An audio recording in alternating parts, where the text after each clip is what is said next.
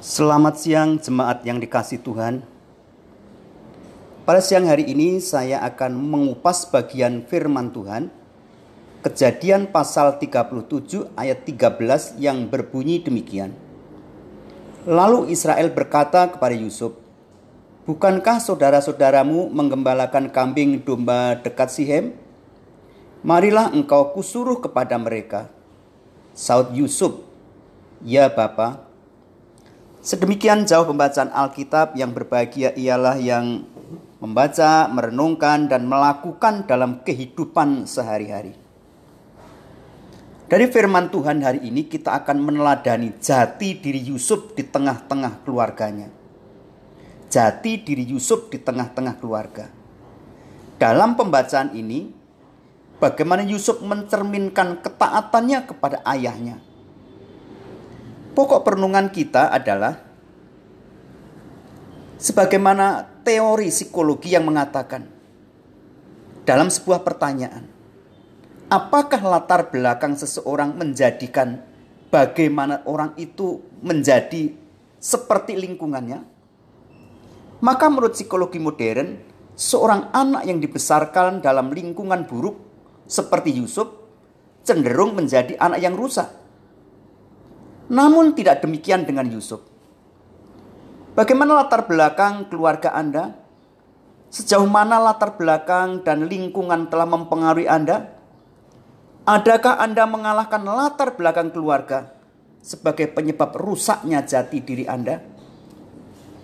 Nah, dari pembacaan ini sebenarnya jika kita kembali ke belakang, 17 tahun pertama dari kehidupan Yusuf tidak diceritakan di dalam Alkitab kecuali pada kelahirannya yang dicatat dalam Kejadian 30 ayat 22 sampai 24. Dari firman Tuhan memperlihatkan kehidupan Yusuf yang dicatat Alkitab tidak ada cacatnya. Tetapi ini bukan berarti ia tidak berdosa, melainkan karena bukan maksud Allah mencatat kehidupan Yusuf dengan menekankan segi negatifnya. Dari kehidupan Yusuf lah Allah hendak menunjukkan bahwa seorang yang dapat hidup terpuji, memuliakan di hadapan Allah tanpa dipengaruhi oleh soal keturunan dan lingkungannya. Apa yang terjadi sekitarnya? Kita perhatikan, ayah Yusuf, Yakob adalah seorang yang cerdik dan licik. Ia membeli hak kesulungan dari Esau kakaknya Kejadian 35 ayat 31 sampai 33. Selanjutnya Yusuf, selanjutnya Yakub menipu ayahnya Ishak dalam Kejadian 37 ayat 14 dan Yakub dua dengan cerdeknya memperoleh ternak dari Laban. Kejadian 30 ayat 25 sampai 43. Alkitab mencatat berikutnya, ibunya juga pernah mencuri berhala milik Laban kakek dari Yusuf. Kejadian 31 ayat 19. Perbuatan beberapa saudara Yusuf tidak baik. Misalnya Ruben bersinah dengan istri bapaknya. Kejadian 35 ayat 22a. Simeon dan Lewi dengan licik membunuh penduduk Sihem. Kejadian 34. Iri hati, pertengkaran dan lain-lain mewarnai kehidupan keluarga Yusuf karena Yakub ayahnya mempunyai empat orang istri. Nah, problematika kita adalah apakah latar belakang seseorang menjadikan bagaimana orang itu? Sekali lagi menurut psikologi modern, seorang anak yang dibesarkan dalam lingkungan buruk seperti Yusuf cenderung menjadi anak yang rusak. Tetapi dalam Alkitab, kejadian 37 ayat yang kedua, dikatakan Yusuf bekerja sebagai gembala bersama saudara-saudaranya. Ia menunjukkan bahwa bukan sebab ia anak kesayangan bapaknya, maka ia menolak kewajiban yang wajar. Sebagaimana Tuhan, apakah Anda telah melakukan kewajiban seorang anak di rumah tangga Anda? Dalam ayat yang kedua juga menceritakan, Yusuf melaporkan kepada ayahnya perbuatan-perbuatan jahat saudaranya. Ini bukan berarti Yusuf pengadu, melainkan kesadarannya akan apa yang baik dan yang tidak baik.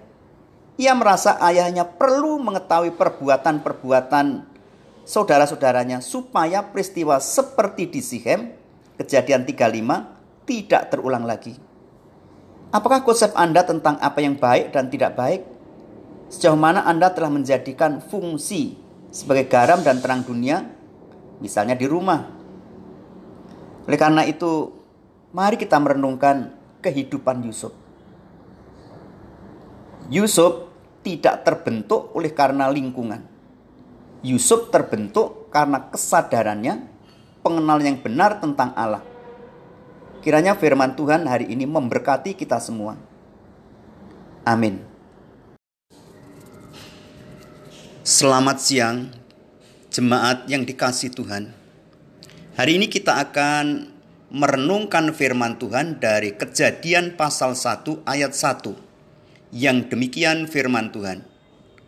Pada mulanya Allah menciptakan langit dan bumi. Sekali lagi saya akan membacanya. Pada mulanya Allah menciptakan langit dan bumi. Mari kita berdoa. Bapa di surga kami mohon hikmat dari Tuhan untuk mengerti dan memahami maksud Tuhan di dalam ayat ini supaya kami dapat mendengarkan merenungkan dan melakukan dalam hidup kami sehari-hari. Amin.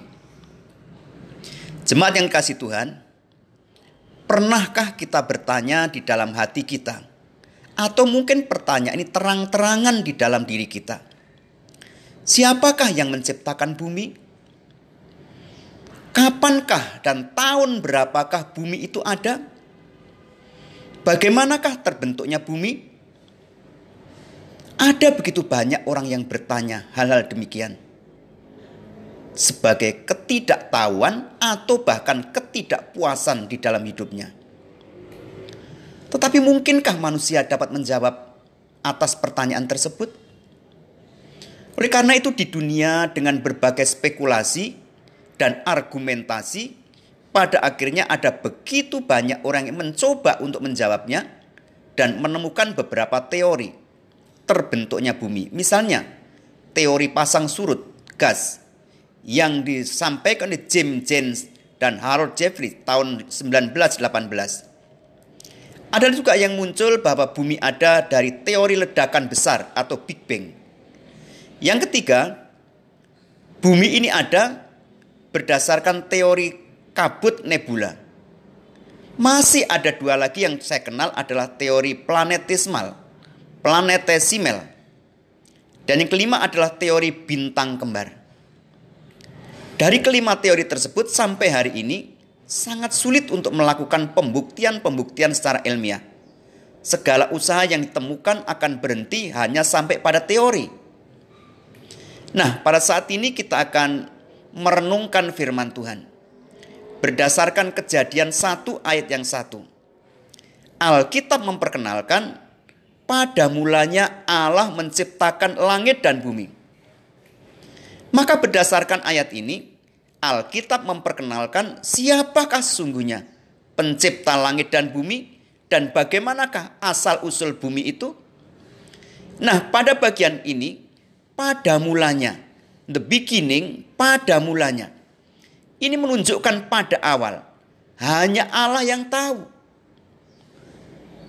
Kemudian pada mulanya sesungguhnya tidak memberitahukan kapan bumi diciptakan, tahun berapa bumi diciptakan. Manusia hanya bisa berspekulasi bahwa bumi ada sekian miliar tahun yang lalu. Itu semua adalah dugaan-dugaan.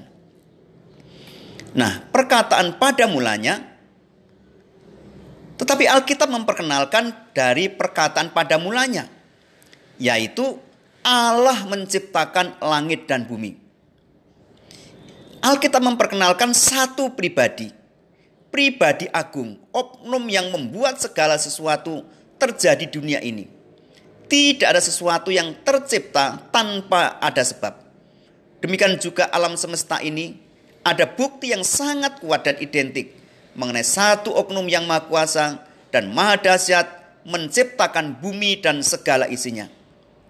Karena itu kita perlu selalu mengingat bahwa dunia ini, langit dan bumi, berbicara kepada kita tentang Tuhan, keberadaan Tuhan, kebijaksanaan Tuhan, karya Tuhan, kemahakuasaannya.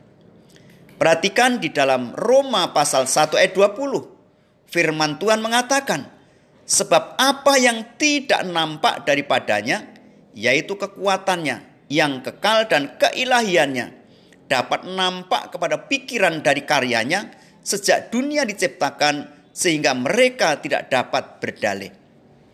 Perhatikan, Alkitab adalah firman Allah menyatakan bahwa kekuatan Allah adalah stat dan statusnya Allah dapat kita lihat dari bagaimana dunia ini ada.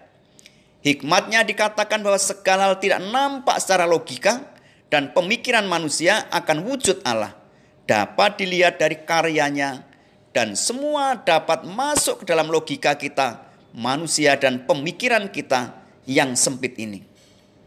Nah, dengan demikian seharusnya semua orang tidak dapat berdalih. Kalaupun ada orang berdalih tentang adanya Allah, maka orang tersebut sebenarnya adalah orang bodoh. Karena dia tidak mau mengakui Allah. Sama seperti dia menyukai contohnya. Saya pernah membaca dalam satu literatur Dimisalkan, ada seseorang yang menyukai jam tangan, tetapi tidak mau mengakui bahwa jam tangan tersebut adalah hasil dari si pencipta atau pembuatnya. Lalu dengan pikiran yang bodoh itu, ia mengatakan bahwa jam tangan ini ada dengan sendirinya, tidak ada penciptanya atau pembuatnya. Kita perhatikan Mazmur 19 ayat 1 sampai 7 mengatakan demikian. Langit menceritakan kemuliaan Allah dan Cakrawala menceritakan pekerjaan tangannya. Hari meneruskan berita itu kepada hari dan malam menyampaikan pengetahuan itu kepada malam. Tidak ada berita dan tidak ada kata. Suara mereka tidak terdengar, tetapi gema mereka terpencar, terpancar ke seluruh dunia dan perkataan mereka sampai ke ujung bumi. Ia memasang kemah di langit untuk matahari yang keluar bagaikan pengantin laki-laki yang keluar dari kamarnya girang bagaikan pahlawan yang hendak melakukan perjalanannya. Dari ujung langit ia terbit dan ia ber, beredar sampai ke ujung yang lain. Tidak ada yang terlindung dari panasnya sinarnya. Manusia yang telah jatuh dalam dosa tidak akan sanggup memecahkan misteri ilahi. Pikiran manusia yang terbatas tidak akan bisa memahami Allah yang tidak terbatas. Allah dalam kuasanya, hikmatnya, menampakkan keagungannya dalam semua ciptaannya. Dengan sikap yang rendah hati, mari kita mengakui segala kecongkaan dan kesombongan pengetahuan yang kita miliki. Dengan berbagai pertanyaan yang seakan-akan kita ajukan kepada Allah dan seakan-akan Allah diam. Oleh karena itu, seakan-akan kita lebih pandai dari Allah. Mari kita merendahkan hati kita, mengakui kemahakuasaan Tuhan dan menundukkan pengetahuan, menundukkan gelar akademik yang kita miliki. Kita akan berdoa, biarlah ilmu pengetahuan dan kepandaian kita tunduk kepada firman Allah. Ada pribadi yang memberikan kepandaian, ada pribadi yang memberikan kerendahan hati, sehingga kita boleh menyadari langit dan bumi adalah ciptaan Allah. Kita semua ada di dalamnya untuk mengagungkan dan memuliakan Dia. Mari kita berdoa. Tuhan Yesus, kami mohon ampun jika kecongkaan kami, semakin tingginya ilmu kami, semakin tingginya gelar kami, terkadang kami lebih congkak, terkadang kami lebih hebat, tidak mau tunduk kepada Tuhan. Karena itu kami akan merendahkan ilmu kami di hadapanmu. Kami akan meletakkan semua kepandaian kami di bawah kemahakuasaan Allah. Biarlah segala ilmu pengetahuan kami bermakna dan berguna bagi kemuliaan Tuhan. Dalam nama Tuhan Yesus kami berdoa. Amin. Shalom saudara-saudaraku yang dikasih Tuhan. Berjumpa lagi di dalam mengenal sabda Allah. Saya senang sekali dengan saudara-saudara yang dengan tekun dan setia yang terus-menerus rindu dan haus akan kebenaran firman Tuhan baik yang ada di dalam ruangan ini maupun saudara-saudara yang ada di rumah. Hari ini kita akan belajar dari Kejadian pasal 1 ayat 1 sampai 31 sampai dengan pasal 2 ayat 1 sampai dengan 7. Kita akan melihat panorama keindahan firman Tuhan. Mari kita akan membaca bagian ini. Allah menciptakan langit dan bumi serta isinya. Pada mulanya Allah menciptakan langit dan bumi. Bumi belum berbentuk dan kosong gelap gulita melayang gelap gulita menutupi samudera raya dan roh Allah melayang-layang di atas permukaan air. Berfirmanlah Allah, jadilah terang, lalu terang itu jadi. Allah melihat bahwa terang itu baik, lalu dipisahkannya lalu dipisahkannya lah terang itu dari gelap. Dan Allah menamai terang itu siang dan gelap itu malam jadilah petang dan jadilah pagi. Itulah hari pertama. Berfirmanlah Allah, jadilah cakrawala di tengah segala air untuk memisahkan air dari air. Maka Allah menjadikan cakrawala dan ia memisahkan air yang ada di bawah cakrawala itu dari air yang ada di atasnya dan jadilah demikian. Lalu Allah menamai cakrawala itu langit, jadilah petang dan jadilah pagi. Itulah hari kedua. Berfirmanlah Allah, hendaklah segala air yang di bawah langit berkumpul pada satu tempat sehingga kelihatan yang kering dan jadilah demikian. Lalu Allah menamai yang kering itu darat dan kumpulan air itu dinamainya laut. Allah melihat bahwa semuanya itu baik. Berfirmanlah Allah, hendaklah tanah menumbuhkan tunas-tunas muda, tumbuh-tumbuhan yang berbiji, segala jenis pohon dan buah-buah yang menghasilkan buah yang berbiji supaya ada tumbuh-tumbuhan di bumi. Dan jadilah demikian. Tanah itu menumbuhkan tunas muda dan segala yang jenis tumbuh-tumbuhan yang berbiji dan segala jenis pohon-pohonan yang menghasilkan buah yang berbiji. Allah melihat bahwa semuanya itu baik. Jadilah petang dan jadilah pagi, itulah hari ketiga. Berfirmanlah Allah, jadilah benda-benda penerang pada cakrawala untuk memisahkan siang dari malam. Biarlah benda-benda penerang itu menjadi tanda yang menunjukkan masa-masa yang tetap dan hari-hari dan tahun-tahun. Dan sebagai penerang pada cakrawala biarlah benda-benda itu menerangi bumi. Dan jadilah demikian. Maka Allah menjadikan kedua benda penerang yang besar itu, yakni yang lebih besar untuk menguasai siang dan yang lebih kecil untuk menguasai malam dan menjadikan juga bintang-bintang. Allah menaruh semuanya itu di cakrawala untuk menerangi bumi dan untuk menguasai siang dan malam dan untuk memisahkan terang dari gelap. Allah melihat bahwa semuanya itu baik. Jadilah petang dan jadilah pagi. Itulah hari keempat. Berfirmanlah Allah, hendaklah dalam air berkeriapan makhluk yang hidup dan hendaklah burung berterbangan di atas bumi melintasi cakrawala maka Allah menciptakan binatang-binatang laut yang besar dan segala jenis makhluk hidup yang bergerak, yang berkeriapan dalam air dan segala jenis burung yang bersayap. Allah melihat bahwa semuanya itu baik. Lalu Allah memberkati semuanya itu firman-Nya. Berkembang biaklah dan bertambah banyaklah serta penuhilah air dari laut, dalam laut dan hendaklah burung-burung di bumi bertambah banyak. Jadilah petang dan jadilah pagi Itulah hari kelima. Berfirmanlah Allah, hendaklah bumi mengeluarkan segala jenis makhluk yang hidup, ternak dan binatang melata, dan segala jenis binatang liar. Dan jadilah demikian. Allah menjadikan segala jenis binatang liar di segala dan segala jenis ternak dan segala jenis binatang melata di muka bumi. Allah melihat bahwa semuanya itu baik. Berfirmanlah Allah, Baiklah kita menjadikan manusia menurut gambar dan rupa kita, supaya mereka berkuasa atas ikan-ikan di laut dan burung-burung di udara, dan atas ternak dan atas seluruh bumi, dan atas segala binatang melata yang merayap di bumi. Maka Allah menciptakan manusia untuk itu menurut gambarnya, menurut gambar Allah diciptakannya dia, laki-laki dan perempuan diciptakannya mereka. Allah memberkati mereka lalu Allah berfirman kepada mereka, Beranak cuculah dan bertambah banyak, penuhilah bumi dan taklukkanlah itu. Berkuasalah atas ikan-ikan di laut dan burung-burung di udara dan atas segala bin, binatang yang merayap di bumi.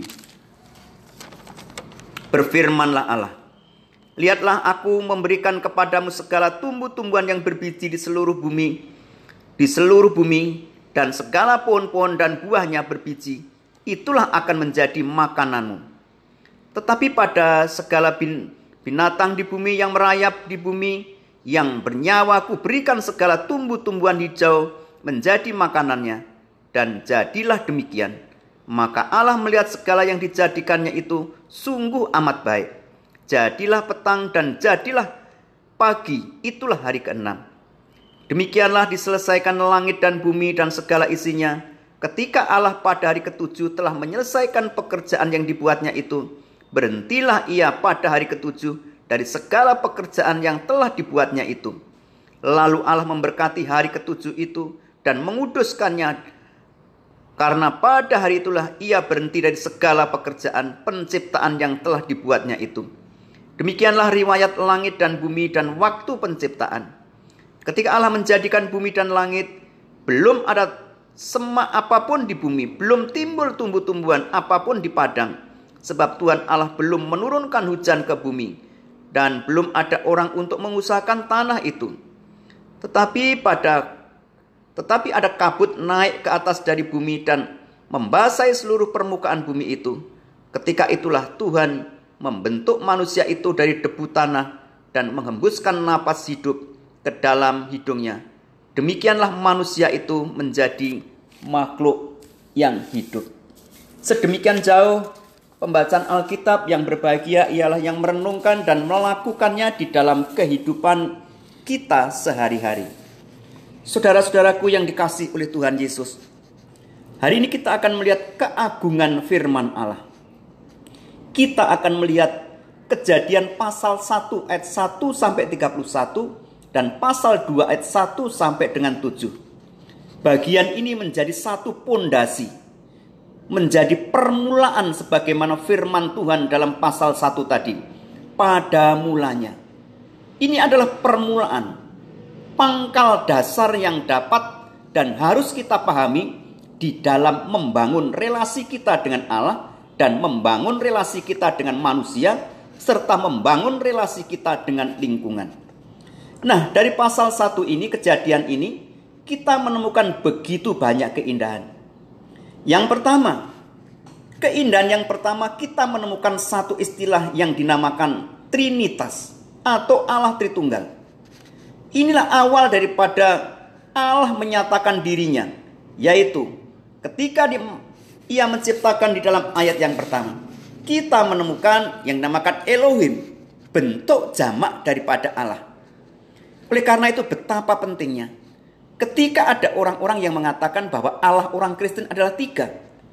Maka dari awal telah menyangkal Allah orang Kristen bukanlah tiga. Nanti kita akan bahas di dalam keterangan yang lebih dalam. Yang kedua, dari kejadian pasal 1 ayat 1 dan 2 ini kita menemukan satu istilah yang penting di dalam pondasi ilmu pengetahuan yaitu tentang istilah creatio ex nihilo yaitu sebuah pengertian bahwa Allah menciptakan dari yang tidak ada menjadi ada. Ayat 1 dan 2. Allah menciptakan dengan proses yang demikian teratur. Dari hari pertama, hari kedua, hari keenam, sampai pada hari yang ketujuh. Allah memberkati semua ciptaannya pada ciptaan yang keempat misalnya, Tuhan menciptakan benda-benda penerang. Bagaimana benda-benda penerang adalah sebagai sumber energi. Ciptaan Tuhan yang demikian sempurna. Tata surya yang begitu indah menakjubkan. Allah menatanya sedemikian rupa. Ini akan menjawab pertanyaan-pertanyaan orang-orang yang mengakui tentang teori bumi ada, yaitu melalui teori Big Bang. Sebenarnya Allah mengatur. Tidak pernah Allah menciptakan ketidakteraturan, berbenturan satu dengan yang lain. Nah, pada saat kita menyaksikan kejadian pasal 1 ayat 26. Bagaimana ketika Allah memperkenalkan, marilah kita menciptakan manusia. Kita bertemu lagi dengan sebuah istilah kita yang Allah memperkenalkan dirinya dalam ketritunggalan. Allah Bapa, Putra, dan Roh Kudus Dalam hari yang keenam inilah Allah menciptakan manusia. Manusia diciptakan begitu unik. Manusia diciptakan berbeda dengan binatang. Hal ini akan menolak paham yang dipercayai oleh kalangan teori evolusi yang dikenal oleh teori Darwin. Nah, dari sini bahwa semua ciptaan Allah memberikan penghargaan kepada ciptaan yang amat baik pada manusia. Tetapi pada ciptaan lain Allah memberikan baik. Nah, inilah yang kita pelajari hari ini. Kita sedang belajar tentang kemahakuasaan Allah dalam menciptakan. Bahwa Allah itu pencipta. Kita sedang belajar kemahakuasaan Allah yang mengatur sedemikian rupa. Yang mengatur alam semesta demikian terap, rapi dan teratur. Yang lebih mengagumkan lagi dalam pasal satu ini kita belajar tentang kemahakuasaan Allah. Bagaimana ia memelihara ciptaannya. Memelihara binatang. Memelihara alam semesta. Memelihara manusia sedemikian rupa. Nah, kita perhatikan di dalam pasal 1 ayat 26 dan 27. Kita mendapati satu istilah baru yang disebut dengan imagode. Baiklah kita menciptakan manusia menurut gambar dan rupa kita diciptakannya laki-laki dan perempuan. Imago Dei, gambar dan rupa Allah. Gambar dan rupa Allah di sini menunjukkan bagaimana manusia mendapatkan sebuah identitas yang begitu mendalam dan Allah yang menaruh di dalam diri mereka. Allah sejak awal menciptakan manusia dikatakan manusia itu laki-laki dan perempuan. Allah memberikan sebuah identitas yang jelas perbedaan yang jelas laki-laki dan perempuan. Dengan demikian laki-laki dan perempuan adalah manusia yang berbeda. Nah, ketika kita tahu bahwa manusia adalah tahu laki-laki dan perempuan, maka ketika ada orang yang mencoba, misalnya pada yang ketiga, ia menganggap tidak laki-laki dan tidak perempuan, atau orang yang mencoba untuk berganti kelamin, sesungguhnya adalah orang-orang yang memberontak pada pencipta. Ia tidak puas dengan Allah yang menciptakan. Nah berikutnya pernyataan manusia sebagai gambar dan rupa Allah. Menunjukkan kepada manusia itu adalah unik. Memiliki kelebihan dan kekurangan. Semua manusia di dunia memiliki kelebihan dan kekurangan. Itulah keunikannya. Manusia berbeda di dalam bentuk tubuh. Manusia berbeda di dalam rambut. Manusia berbeda di dalam banyak hal yang menunjukkan satu keunikan. Itulah sebabnya dari awal Allah begitu mencintai kemajemukan. Allah begitu mencintai keragaman. Dan keragaman itu adalah anugerah Allah. Perkataan misiode, gambar dan rupa Allah yang membawa pada tujuan Allah. Pada ayat 28 Allah memberikan mandat yang dinamakan mandat budaya. Mandat budaya yang mengatakan beranak cuculah. Maka sebenarnya ketika Allah memberi mandat beranak cucu adalah kelanjutan daripada relasi kesatuan laki-laki dan perempuan dalam kesatuan pernikahan yang benar. Oleh karena ini semua menjelaskan bahwa pernikahan yang benar adalah pernikahan antara satu laki-laki dan perempuan. Perhatikan, berbagai bentuk penyimpangan kepada pencipta adalah orang-orang yang melakukan pergaulan bebas. Misalnya kumpul kebu. Belum merupakan pasangan, tetapi hidup serumah. Ini adalah bentuk daripada penyimpangan yang dinamakan misi uh, penyimpangan daripada uh, tujuan Allah di dunia ini. Allah memberikan sebuah istilah dalam hidup kita adalah misiode. Allah membawa kita ke dalam satu tujuan Allah tujuan Allah dalam pernikahan, kesatuan pernikahan. Oleh karena itu, jika ada orang yang menikah dengan sesama jenis, atau ada orang yang hamil di luar nikah, sesungguhnya adalah orang-orang yang melanggar imago Dei dan melanggar misi Dei, misi Allah di dunia. Berikutnya adalah yang menyangkut imago Dei, gambar dan rupa Allah, manusia diutus ke dunia sebagai misi Dei sebagai pembawa misi tujuan Allah, yaitu menguasai bumi. Mengelola bumi, alam semesta, memberdayakan alam di laut, alam di darat dan udara adalah milik Allah supaya diberdayakan dengan penuh tanggung jawab kepada Allah. Itulah sebabnya di dalam program kita adalah kita sedang memiliki sebuah program yaitu integrasi iman Kristen di dalam semua bidang kehidupan. Termasuk di dalamnya adalah para guru, dosen. Seharusnya guru dan dosen merasa begitu bangga ilmu pengetahuan yang ditekuninya, ilmu pengetahuan yang diampu di dalam pengajaran di kelas. Sesungguhnya di sana sebagai misi ode menghadirkan Allah di dalam tujuan pembelajaran mereka. Misalnya seorang guru, ia menemukan bagaimana Allah di dalam pelajarannya. Bagaimana keagungan Allah ditemukan di dalam setiap mata pelajaran. Saudara-saudaraku yang dikasih Tuhan, betapa kita hidup di dalam bimbingan daripada Allah Tritunggal, Allah Trinitas. Kita hidup di dalam bimbingan bagaimana Allah itu adalah kreasio ex nihilo, menciptakan dari yang tidak ada menjadi ada. Kita juga mesti sadar, manusia diciptakan sebagai imat kode, gambar dan rupa Allah untuk hadir di dunia. Untuk apa? Membawa misi ode, membawa misi Allah yang diamanatkan kepada kita semua.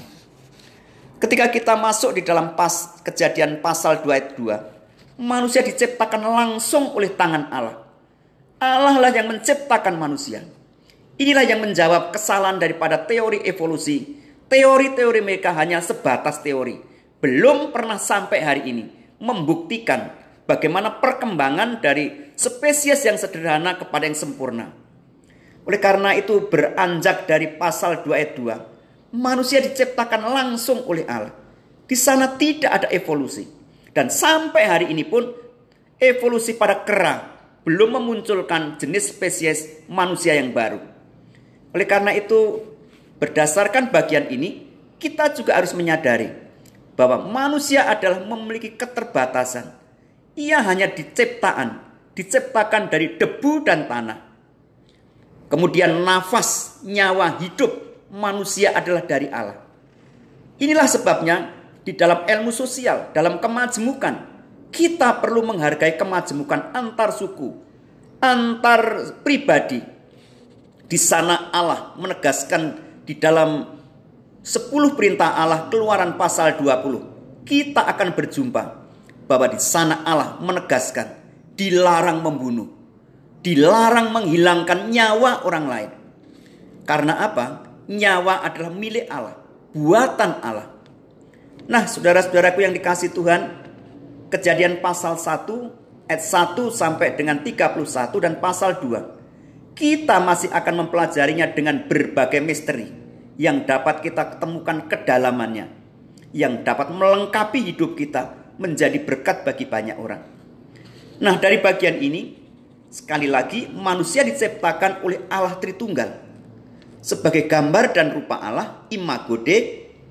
Kemudian manusia hadir di dunia ini untuk bekerja mengelola alam, berkeluarga, hidup bersosial, harus menghargai orang lain, tidak boleh menghilangkan nyawa dalam diri orang lain, karena kita diciptakan sebagai utusan, missio Dei.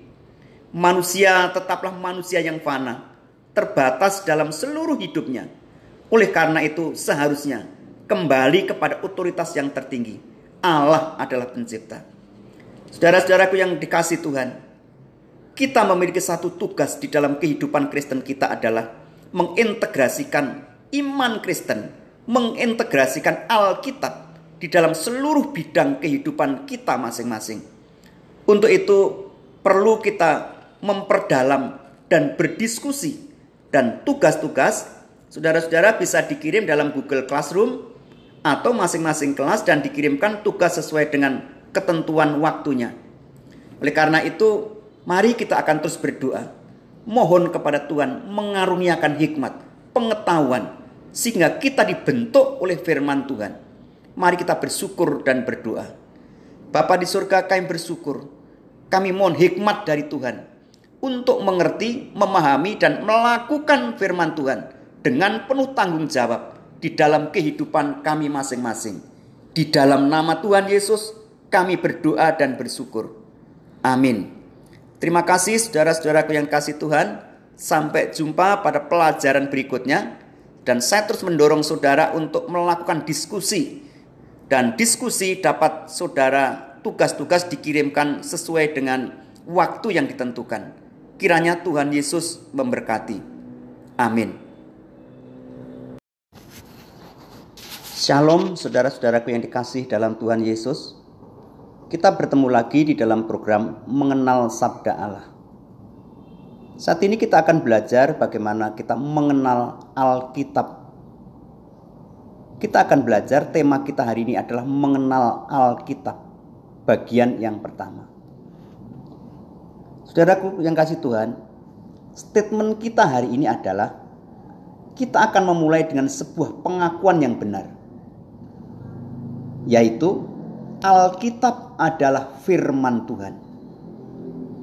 Jadi hari ini statement kita adalah menyepakati bahwa Alkitab adalah sebagai dasar cara pandang dalam menemukan kebenaran dalam seluruh kehidupan kita.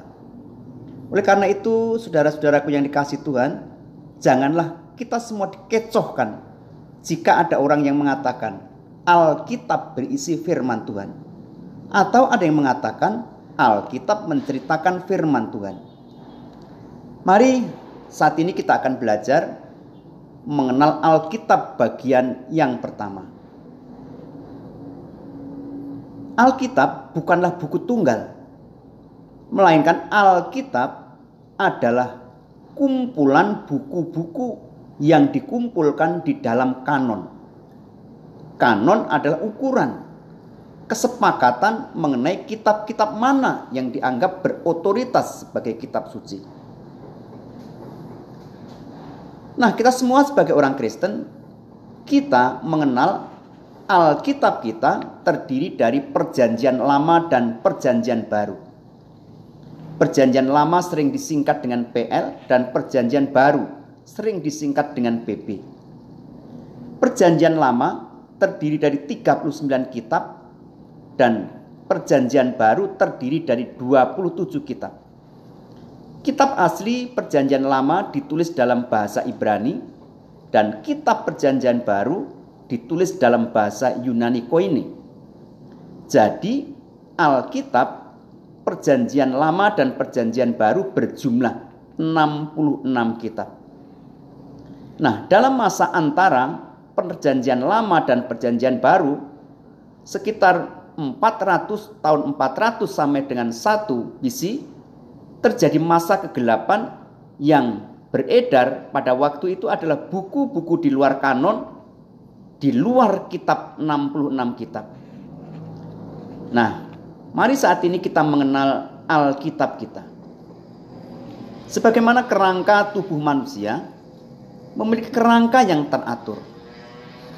Maka dalam Alkitab Perjanjian Lama memiliki sebuah kerangka yang begitu tersusun sistematis.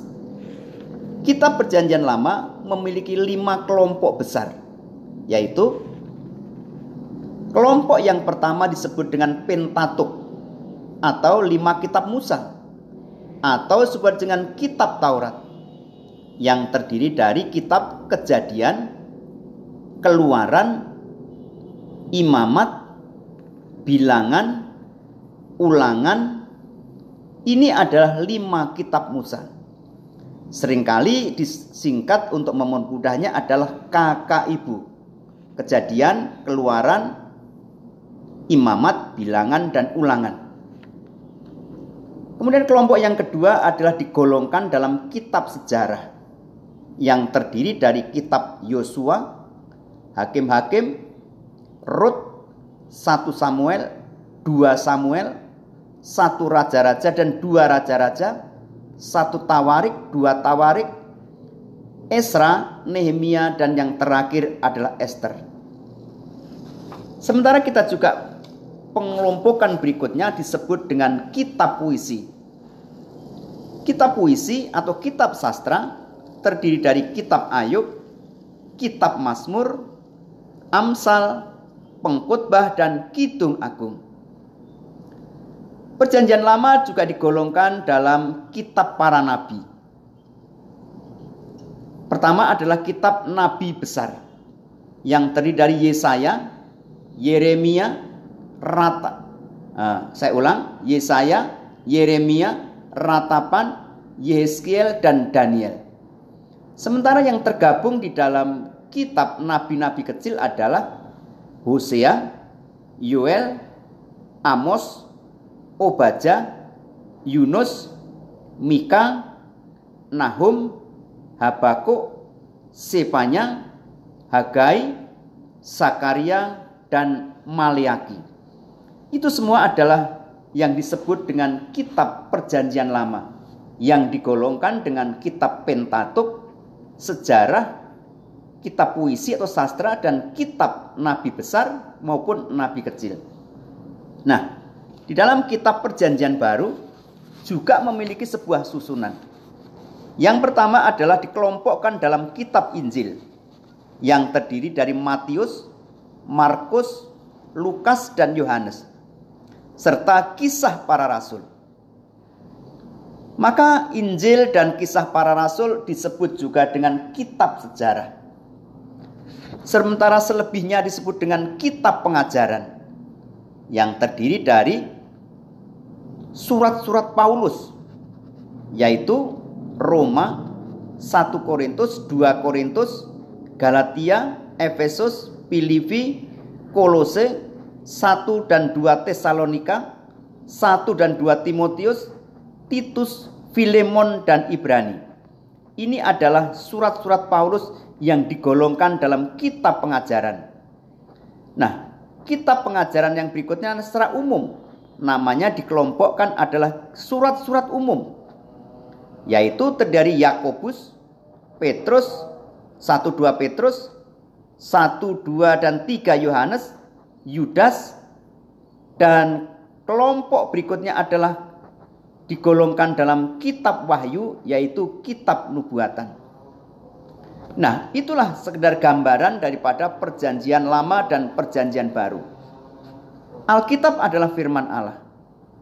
Dalam Alkitab dicatat tidak kurang dari 3808 kalimat yang menyatakan demikianlah firman Tuhan. Nah, oleh karena itu Alkitab adalah firman Allah yang berotoritas. Misalnya di dalam Matius pasal 5 ayat yang ke-18. Kitab Perjanjian Lama dan Perjanjian Baru adalah satu kesatuan yang memiliki benang merah menyatakan tentang penciptaan alam semesta, penciptaan manusia, kejatuhan manusia dalam dosa, janji nubuat keselamatan, dan penggenapan rencana keselamatan di dalam Yesus Kristus yang telah lahir, hidup, menderita, disalibkan, mati, dikuburkan, bangkit, dan naik ke surga menjadi pengharapan pemulihan orang-orang yang berdosa di dalam 2 Korintus 5 ayat 17. Siapa yang ada dalam Kristus adalah ciptaan baru. Yang lama sudah berlalu, sesungguhnya yang baru sudah datang. Nah saudara-saudaraku yang dikasih Tuhan Yesus, lalu apakah manfaatnya kita membaca Alkitab? Alkitab bukanlah buku ilmu pengetahuan. Alkitab memiliki begitu banyak manfaat dalam hidup kita.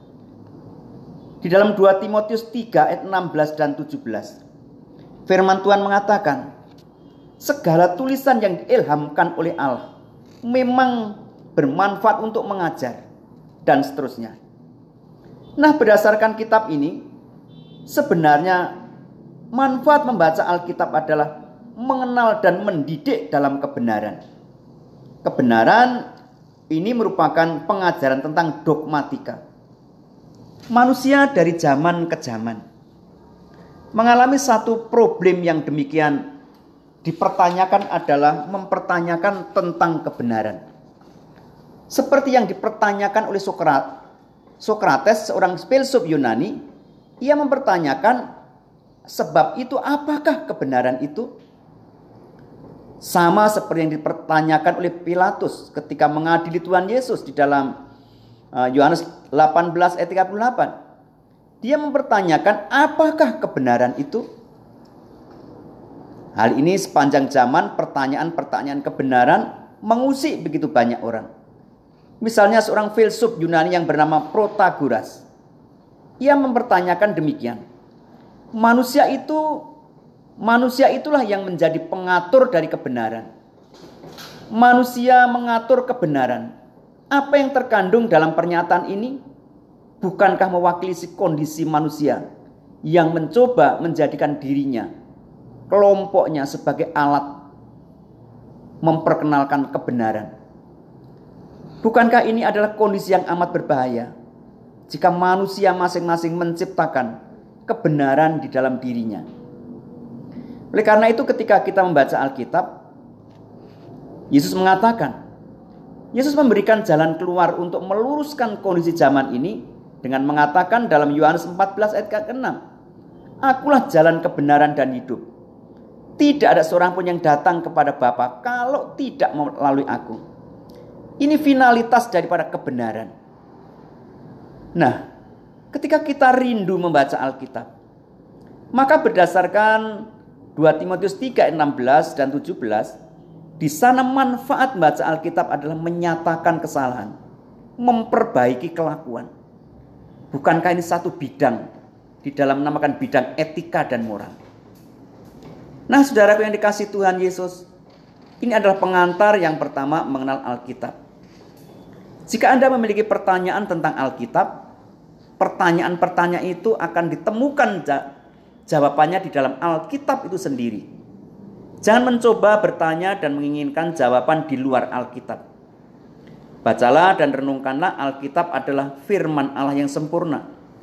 Datanglah dan mendekatlah kepada Allah yang menyatakan dirinya dalam Alkitab. Anda pasti akan kagum menemukan jawaban yang melebihi apa yang Anda pikirkan. Kiranya firman Tuhan hari ini kita mengenal Alkitab. Mari kita membawa satu statement yang benar ketika mendekati Alkitab adalah firman Allah. Biarlah firman itu yang akan meluruskan hidup kita, memperbaiki hidup kita, mengoreksi hidup kita. Kiranya firman Tuhan memberkati saudara dan tugas-tugas interaksi sudah dikirimkan dalam Google Classroom silahkan saudara-saudara akan mengerjakannya, kumpulkan sesuai dengan waktu yang kita sepakati. Terima kasih Tuhan Yesus memberkati kita semua. Amin.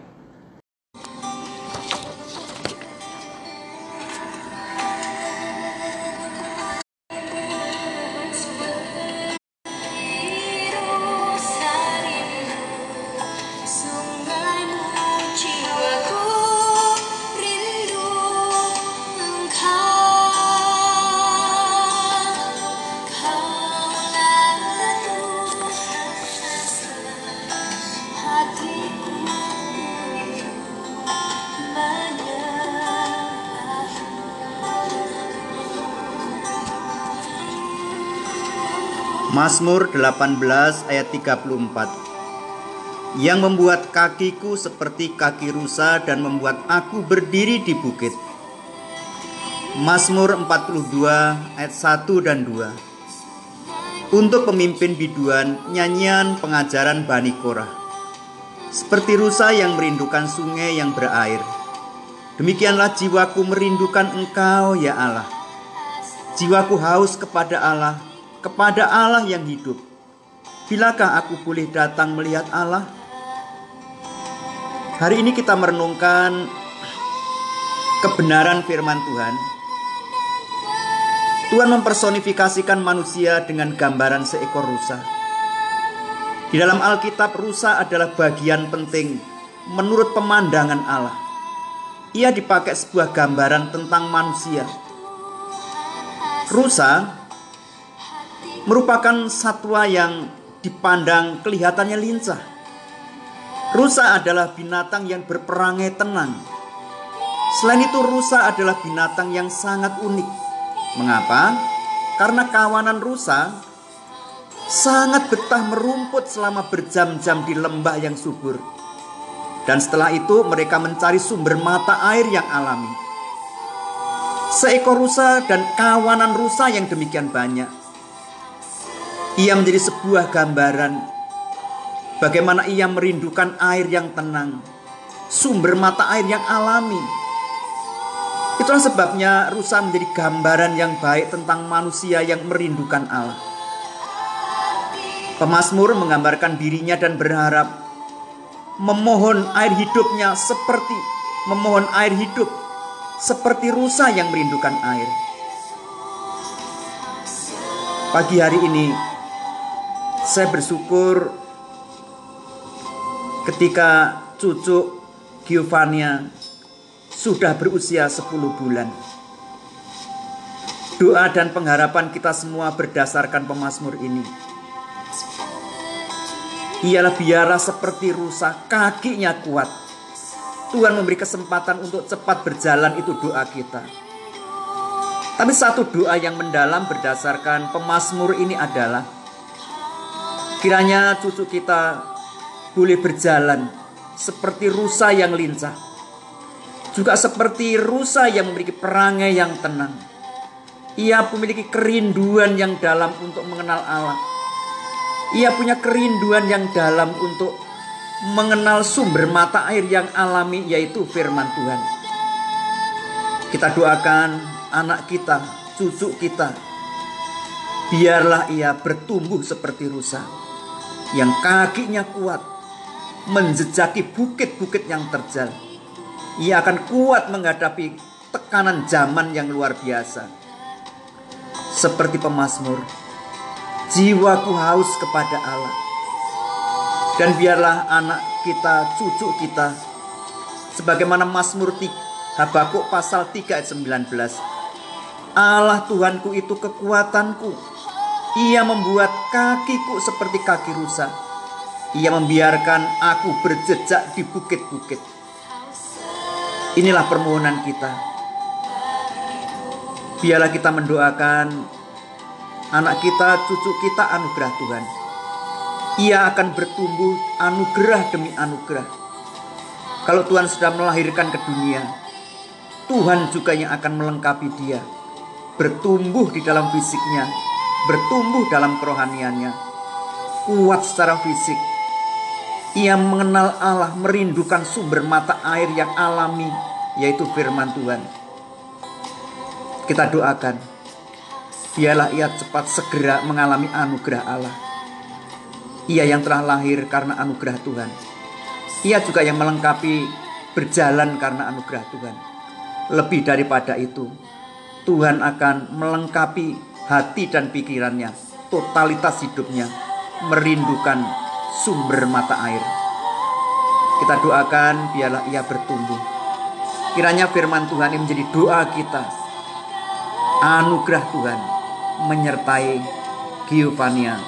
Kita nyerahkan papanya, Naning mamanya, Subi papanya, Pak Dekarti dan Ibu Detung. Orang-orang yang mencintai dia. Biarlah ia juga bertumbuh mengasihi orang-orang yang mengasihi dia. Ia bertumbuh mengenal orang-orang yang mencintai Tuhan yang mendoakannya. Biarlah ia bertumbuh dan berkembang. Biarlah ia bertumbuh sebagaimana rusa, merindukan sumber mata air yang tenang. Kakinya yang kuat untuk menapaki bukit-bukit, membutuhkan kekuatan dari Tuhan. Tuhan Yesus memberkati kita semua. Amin.